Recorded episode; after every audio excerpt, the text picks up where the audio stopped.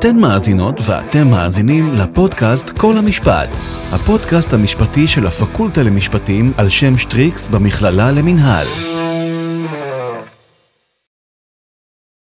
אז אה, ברוכות הבאות וברוכים הבאים לפודקאסט כל המשפט, כאן אביה חסידמן.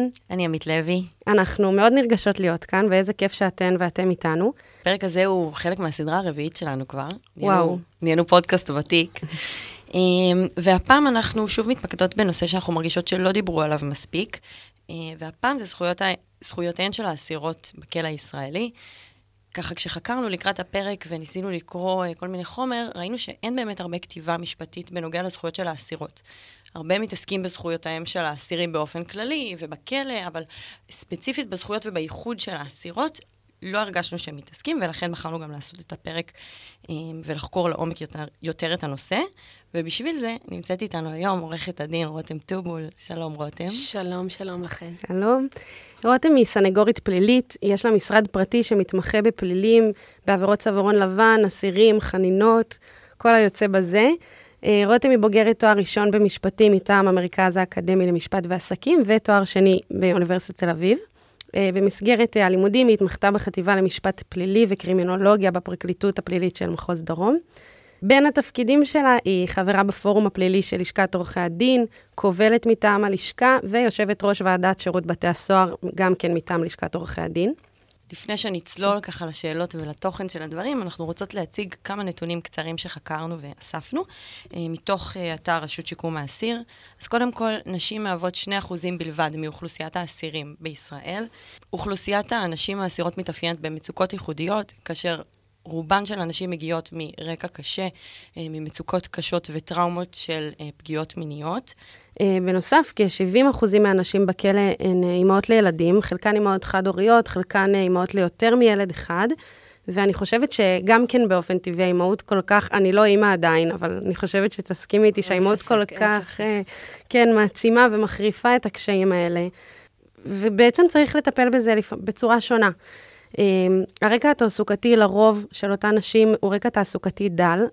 צריך בעצם להתאמץ ולאפשר איזשהו אה, שילוב אה, לאחר, ה- לאחר ריצוי המאסר בצורה שהיא ככה קצת יותר אה, אה, מותאמת לאותן נשים. דבר נוסף שחשוב לציין זה העובדה שיש לנו כלא נשים אחד אה, בארץ, כלא נווה תרצה, וגם על זה אנחנו נדבר בהמשך ועל הקשיים שעולים אה, מתוך העובדה הזו. אז אנחנו רוצות להתחיל אה, ממבט קצת יותר רוחבי, ולבחון את הסוגיה של העובדה שיש רק 2% מתוך כלל האסירים שהן אסירות, ולנסות ולהסביר את זה. יש לנו הרבה תיאוריות שמתעסקות בפשיעת נשים ובעובדה שנשים מרצות פחות מאסר, שנשים פחות פושעות. אז רותם, אני רוצה לשאול אותך, איך את מסבירה את הפער הזה בתור מי שמתעסקת יום-יום בנושא הזה, את הפער אה, אחוזי האסירות לאחוזי האסירים? קודם כל, אני חושבת שיש לזה היום הרבה מחקרים לגבי אה, נשים וגברים בכלל, אבל אה, יש יחס, אני חושבת, בכלל מלידה, שהוא שונה בכלל במבנה שלנו כנשים וגברים, ואנחנו רואים את זה בסוג העבירות שבעיקר, אנחנו רואים אסירות נמצאות בבתי הכלא. אה, נראה הרבה נשים שהן ביצעו עבירות שקשורות אה, בסמים, אה, זנות, אה, שימוש באלכוהול, אה, הרבה דברים שקשורות בניצול שלן. עבירות מרמה הפכו להיות משהו שהוא ככה גם אה, אה, נכנס פנימה, אה, בין אם זה בעבירות אה, ברף הנמוך, עבירות אה, הרכוש הנמוכות, ולמעלה גם עבירות מרמה, גדולות יותר קבלת דבר במרמה, דברים שאנחנו קצת יותר אה, שומעים, אה, יותר אצל הגברים נקרא ככה, זו עבירה יותר גברית, אבל לאחרונה אנחנו רואים אותה גם אצל הנשים. וכמובן, אנחנו רואים אה, את כל הסקשן החדש, אני קוראת לו, שזה העבירות, האלימות, שקשורות בגננות, אה, טיפול. זה דברים שלא נקלט, לא היה בכלל, עד לפני, אני חושבת בשנים האחרונות, בכלל לא ראינו כמעט נשים שמרצות מאסר בגין עבירות כאלה. והשינויים שחלים, אני חושבת, זה הרבה שינויים שאנחנו בעצם חווים אותם גם כחברה. שינויים שיש לנו היום בהתנהלות היומיומית שלנו. והגברים, לדעתי, הם בסופו של יום הם יותר, תמיד היו יותר בחוץ, יותר עובדים, יותר אלו שצריכים לפרנס את הבית. זו בכלל השאלה הראשונה שהייתה. והיום, ככל שאנחנו מצמצמות את הפער הזה, והשוויון בעצם הוא אוחז, ואנחנו בולטים, בולט יותר בין הגבר לאישה, שאנחנו רואים את זה יותר מצטמצם, אז אנחנו רואים גם שגם העבירות אה, אנשים נכנסו גם לסקטורים שלא היו בעבר. וזה גם שוני שכדאי לשים לב עליו, ששמים, אבל יש הרבה, הרבה מחקרים, אנחנו שונות. חושבת שזה מעניין. אתמול, אה, לקראת ההקלטה, הסתובבתי ושאלתי חברים וחברים לעבודה, מה הם באמת חושבים על הנתון הזה. קודם כל, המון אנשים הופתעו לגלות שיש כל כך מעט אסירות ביחס לאסירים. בכלא אחד. בכלא אחד, כן. אמ, ורוב התשובות שקיבלתי היו שגברים חושבים שזה בגלל, מהמקום הזה באמת של הפרנסה, שגבר צריך לפרנס, ואז העבירות הן על בסיס הזה. ונוסף לכך, גם הטבע, העובדה שגברים תוקפניים יותר בטבע שלהם ואלימים יותר בטבע שלהם, ונשים אמרו שנשים לרוב יותר מוסריות. מעניין. אז, אז כן, זה מעניין. מעניין. קודם כל, זה באמת נתון מעניין, זה שווה לחקור אותו, אבל הערה אחת קטנה לעניין כלא, לי אחד הדברים שמפריעים בנקודה הזאת, זה שבעצם אה, הגברים זוכרים לטובת הנאה, אני קוראת לזה, של מדרגי בתי כלא. זאת אומרת שהם יכולים אה, לבחור, אם העבירה שלהם היא ברף הנמוך, להיות בבתי אה, כלא שהם בעצם ברמת אבטחה נמוכה יותר. אה, ולנשים אין. הן כולן נמצאות בנווה תרצה. זאת אומרת שמי שביצעה עבירה שהיא בפשע ברף הנמוך, יכולה להיות עם הבחורה שביצעה עבירה בפשע חמור מאוד, אה, עבירות של אפילו של שנות מאסר רבות, שבהחלט יש ביניהם הבדל משמעותי. תחשבו על זה, זה... ממש מעניין. אז ככה זה מוביל אותי ממש לשאלה הבאה, שכשאנחנו מדברים על כלא נשים, או בכללי על כלא, אבל ספציפית אנחנו נתמקד בכלא נשים, אה, רוב האנשים מדמיינים זה מה שאנחנו מכירים מהסדרות טלוויזיה, כתום זה השחור החדש, כל אחד ומה שהוא רואה. ואני מניחה שבמציאות זה לא בדיוק אותו דבר.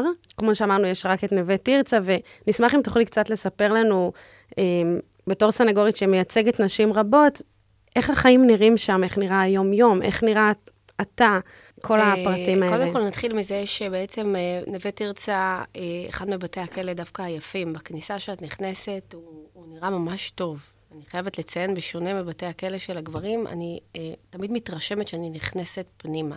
בכניסה הכל יפה, תמיד נקי, אסתטי. אולי יש לזה גם איזו השפעה נשית, אני חושבת, באיזה שמקבלים את פנייך בדרך מאוד יפה ונעימה. אה, מריח שם אפילו משהו אחר. אני לא יודעת להסביר את זה, אבל זה mm. בתחושה שלי כשאני נכנסת פנימה. האגפים הם בעצם מחולקים אה, לרוב לפי גם סוג עבירה ותקופת מאסר, ובנות שבעצם הוכיחו את עצמן. החדרים הם בדרך כלל, עד לאחרונה היו קצת יותר בנות בחדרים, אבל לאחרונה יש שינוי בעקבות אה, בג"ץ הכליאה והצפיפות.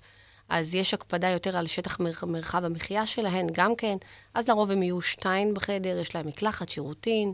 אמ, יש להם, אה, אני יודעת שרק, לפחות ממה שאני יודעת, רק לנשים שנמצאות עם הילד שלהן יש מזגן בחדר, לשאר האסירות אין מזגן.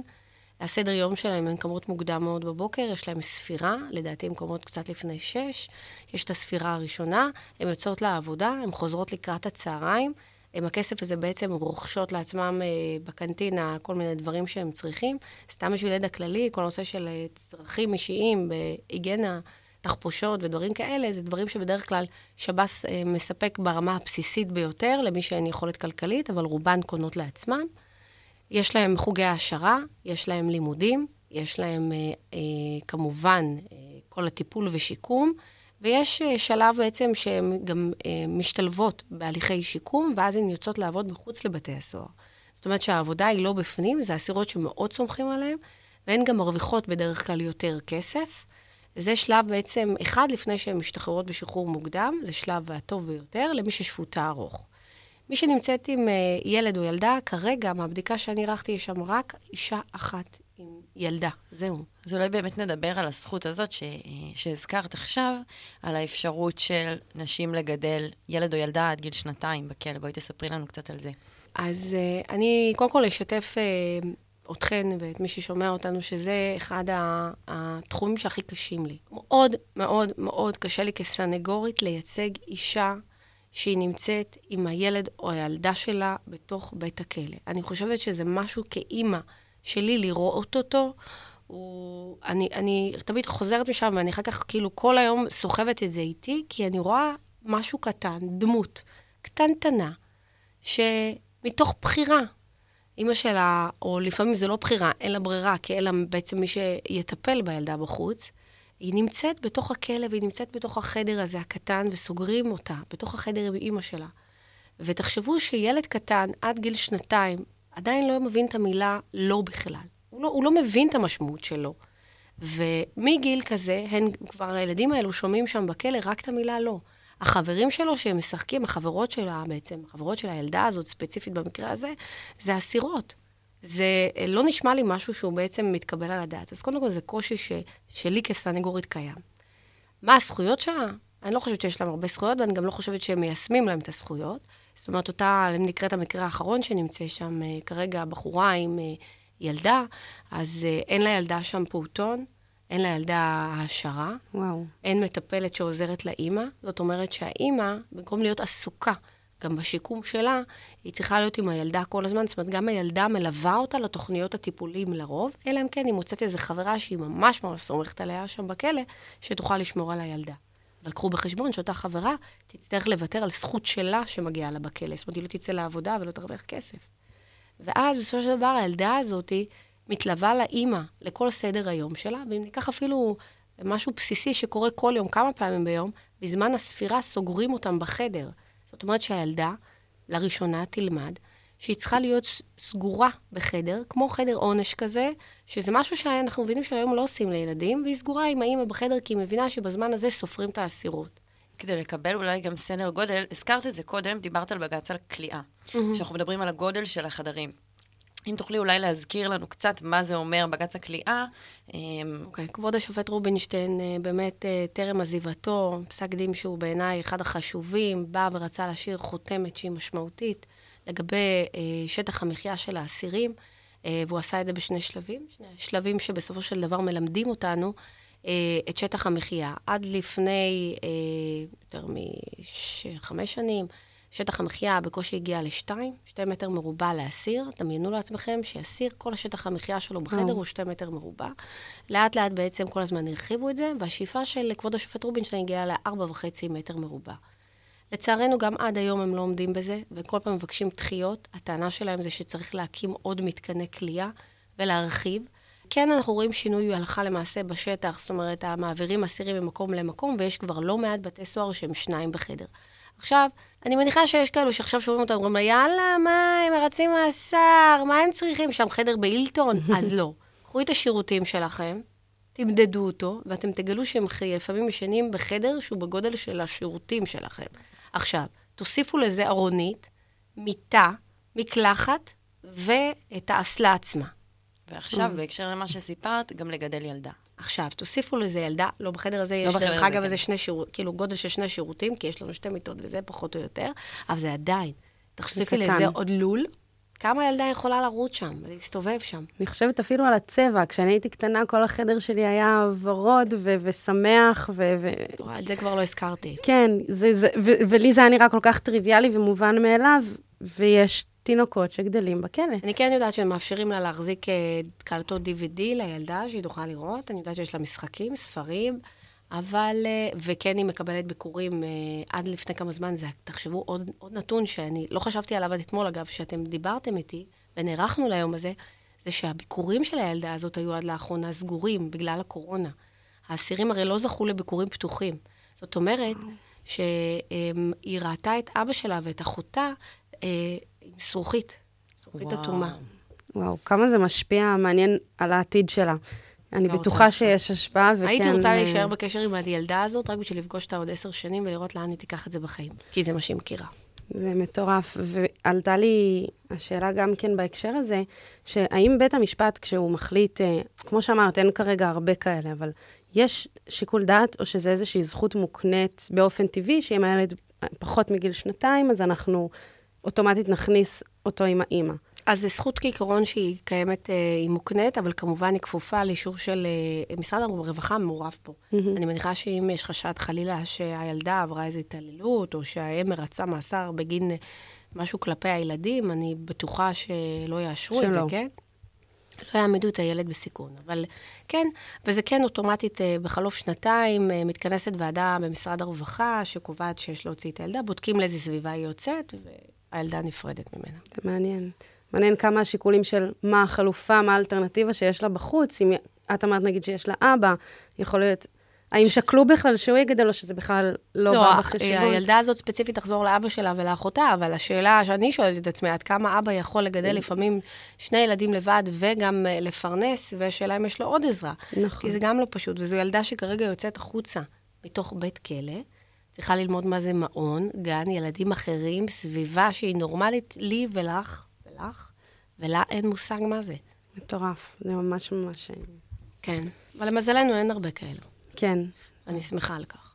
מעניין באמת מה זה אומר על הזכות הזאת, כי אם באמת אין חלופה שהיא אולי מספיק טובה בחוץ, מה עדיף? איך אנחנו בודקים מה עדיף? שהילד או הילדה יהיו קרובים עם האימא בתוך, ויגדלו בתוך המציאות ההזויה הזו, נכון. או החלופה בחוץ, כן, זה שאלות קשות, זה שאלות... אה, שאלות, שאלות קשות לדעתי שכבר אה, צריכות לקבל, אה, אם את שואלת אותי, צריך איזה ועדה במדינה שלנו, בכנסת, ממש ספציפית, שתבדוק את כל הזכויות של האסירות, ובפרט את כל הנושא של לגדל ילדים בכלא. זה צריך לקבל לדעתי כבר משקל. אז אם אנחנו כבר מדברות על זכויות ייחודיות של אסירות, באמת לקראת ההקלטה של היום, אה, קראנו את נייר העמדה של עורכת הדין אה, חווה גרשוני, שעוסק בזכויות של נשים דווקא במעצר. אז קודם כל נשמח אם תוכלי לספר לנו קצת על מה זה אומר מעצר והשוני, ולהסביר ככה למאזינים ולמאזינות שלנו. אה, אז אולי קודם כל בואו נבין אה, מה זה בכלל מעצר ימים. מעצר ימים זה בעצם השלב הראשוני שמשטרת ישראל פותחת בחקירה, היא בעצם אה, מגיעה לאותו חשוד, חשודה, מבקשת לעצור אותו לצורך, אה. לצורכי חקירה בלבד, כאשר לפעמים יש סיכון או חשד, חשש לשיבוש. המעצר בעצם נעשה בצורה מאוד מדודה על ידי פיקוח של בית המשפט, לפעמים זה שלושה ימים, עשרה ימים. בזמן הזה בעצם אותו אדם נטול תקשורת כלפי חוץ, משפחה, אה, ילדים, הוא לא רואה אף אחד והוא לא מדבר עם אף אחד. הם נמצאים בדרך כלל בבית מעצר. התקשורת היחידה שיש לו היא עם עורך דין שמלווה אותו, אם זה פרטי או סנגוריה. ולאחר שמסתיימת החקירה, הם בעצם מחליטים אם להגיש כתב אישום, ואנחנו עוברים בעצם לשלב השני של מעצר, לפעמים אה, עד תום הליכים. אה, בעצם, ה, ה, אני חושבת שכל נושא של סוגיית המעצר ימים, היא קיבלה בשנה האחרונה שיח אדיר בתקשורת. אה, אם זה בתיקים מתוקשרים שאתם שומעים היום על כך שמשתמשים בכלי הזה ככלי כאמצעי לחץ על נחקרים. בעצם אנחנו רואים בהרבה תיקים שאנשים אפילו חותמים להיות עדי מדינה, אני לא אזכיר פה שמות של תיקים, אבל מכירים ושומעים בתקשורת על עדי מדינה שחתמו על הסכמים בגלל שהם היו באותו חדר מעופש, בתנאים קשים, עם פשפשים, ולא היה להם בעצם שום תנאי שהוא בסיסי, ולא יכולת תקשורת עם המשפחה, ומצאו לוותר על הזכות הבסיסית שלהם, ולחתום בעצם על הסכם, ולהפליל לפעמים אחרים, רק במטרה בשביל להשתחרר כבר מהמעצר. אז אם ניקח את זה עכשיו למה שכתבה אותה אה, עורכת דין אה, נפלאה שהכרתי לאחרונה, וקראתי את העמדה שלה, והיא בהחלט צודקת. מעצר הימים בעניינם של נשים זה אה, כלי שבעיניי הוא אפילו יותר קשה. זאת אומרת שגברים לרוב בדרך כלל יוצאים מהבית, הם לוקחים איתם את הדברים שלהם, לפעמים נותנים להם, לפעמים לא, ביגוד ראשוני, והם יוצאים לתא המעצר, גם להם מאוד קשה, התנאים מאוד קשים. אבל אישה שמגיעה לבית המעצר, היא אה, מנותקת, קודם כל, באותו רגע מהילדים שלה. לפעמים יש לה תינוק בבית, אפילו יונק. תחשבו לרגע שבאותו רגע מפרידים אותה מהתינוק, או מהילד שלה, ומקבלים החלטה לעצור אותה. זה קודם כל כלי ראשון.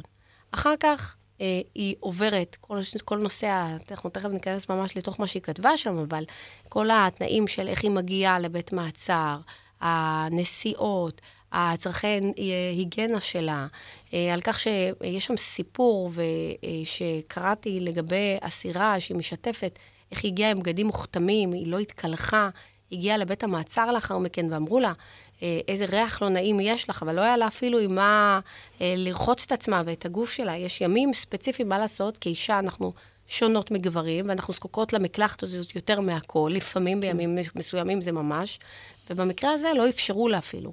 ובשלב המעצר ימים אין אפשרות לאותו אסיר או לאותו עצור, במקרה הזה, לרכוש לעצמו כלי היגיינה ושמפו ודברים כאלו, דברים בסיסיים.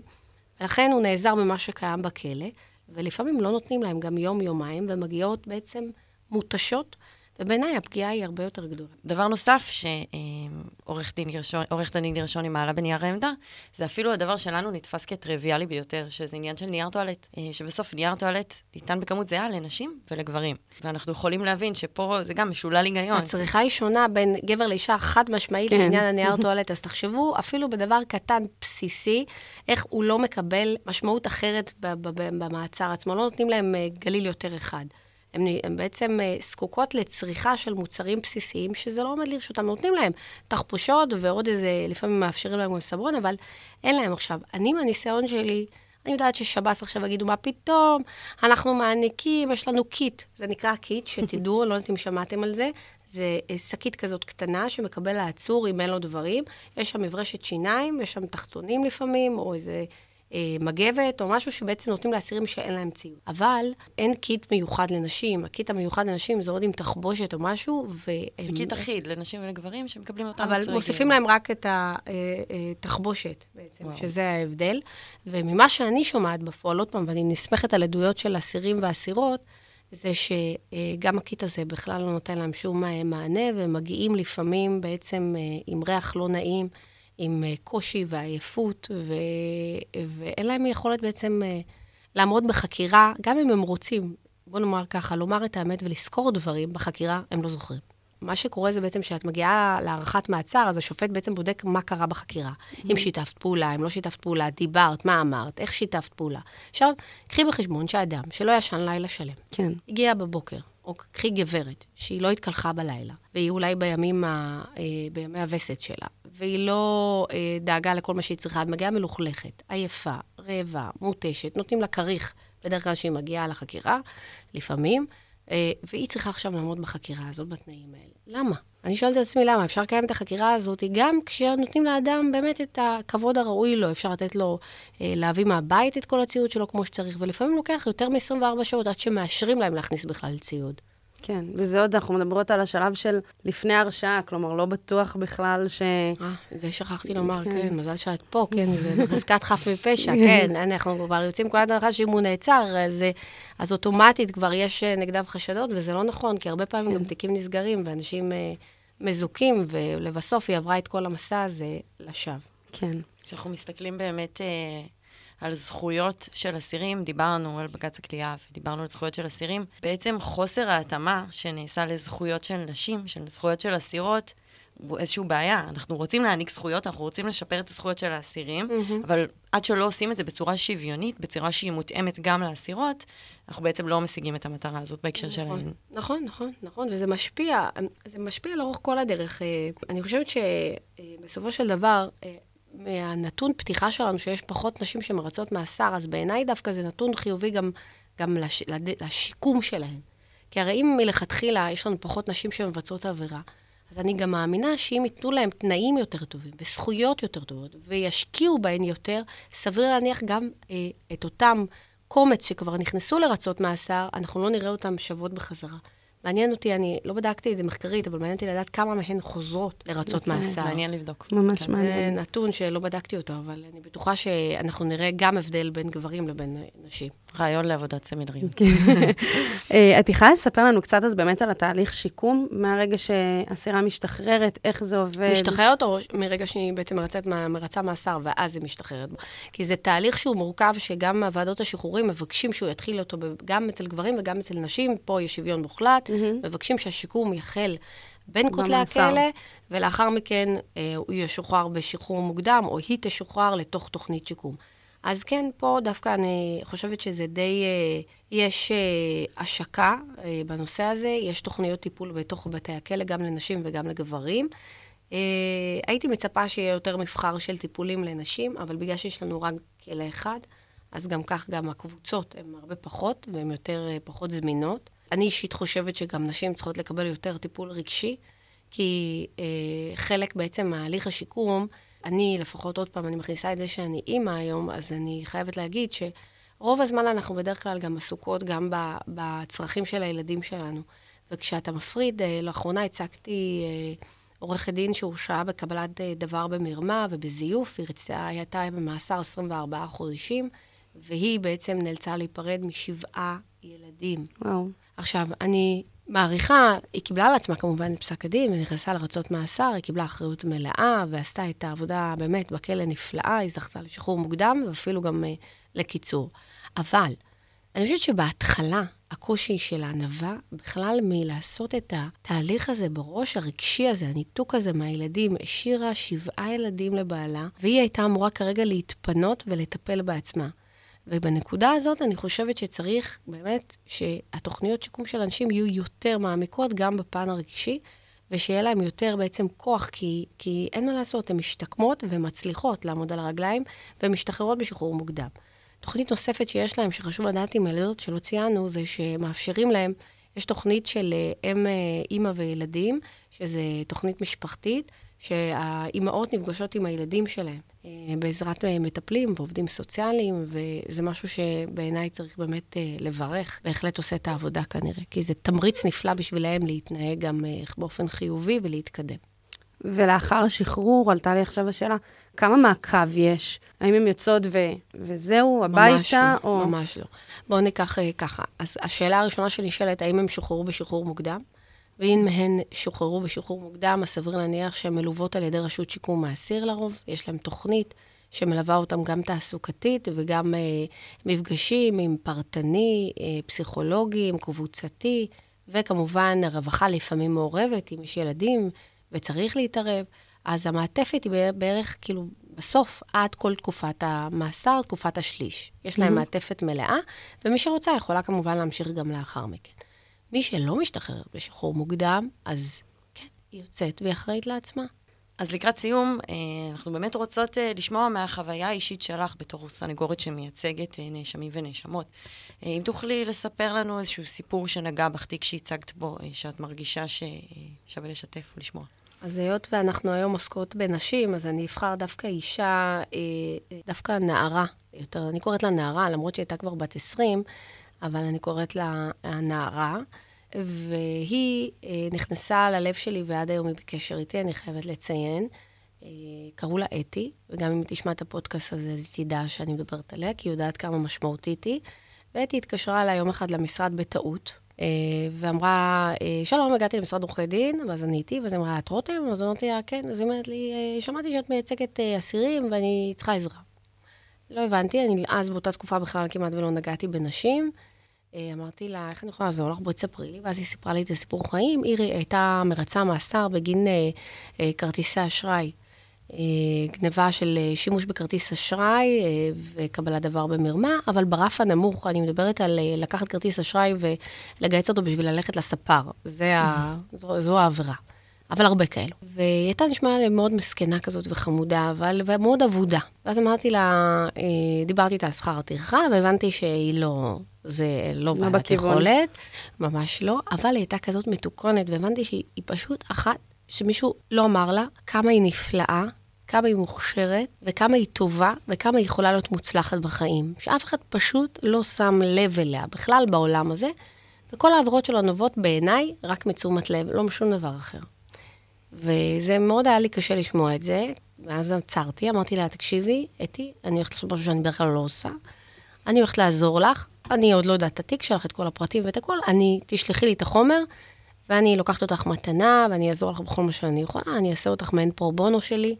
את תשלמי לי אמנם סכום מאוד קטן, קטן, רק בשבילי שאת תלמדי להעריך מה זה ייצוג של עורך דין פלילי, אבל זה יהיה משהו מאוד סמלי, ואני אעזור לך, ואני גם אלווה אותך אחר כך בחוץ, במידה ותאפשרי לי. אה, ובאמת לקחתי את הפרויקט, ועזרתי לה, ועליתי איתה לוועדה, וגם שחררתי אותה, ואחר מכן הייתה מגיעה אליה למשרד, והייתי פוגשת אותה, והייתי בקשר איתה, והייתה מעדכנת אותי בכל שלב, ואני יכולה להגיד לכם שהיא בשינוי מטורף, היא מאמנת. איפה היא היום?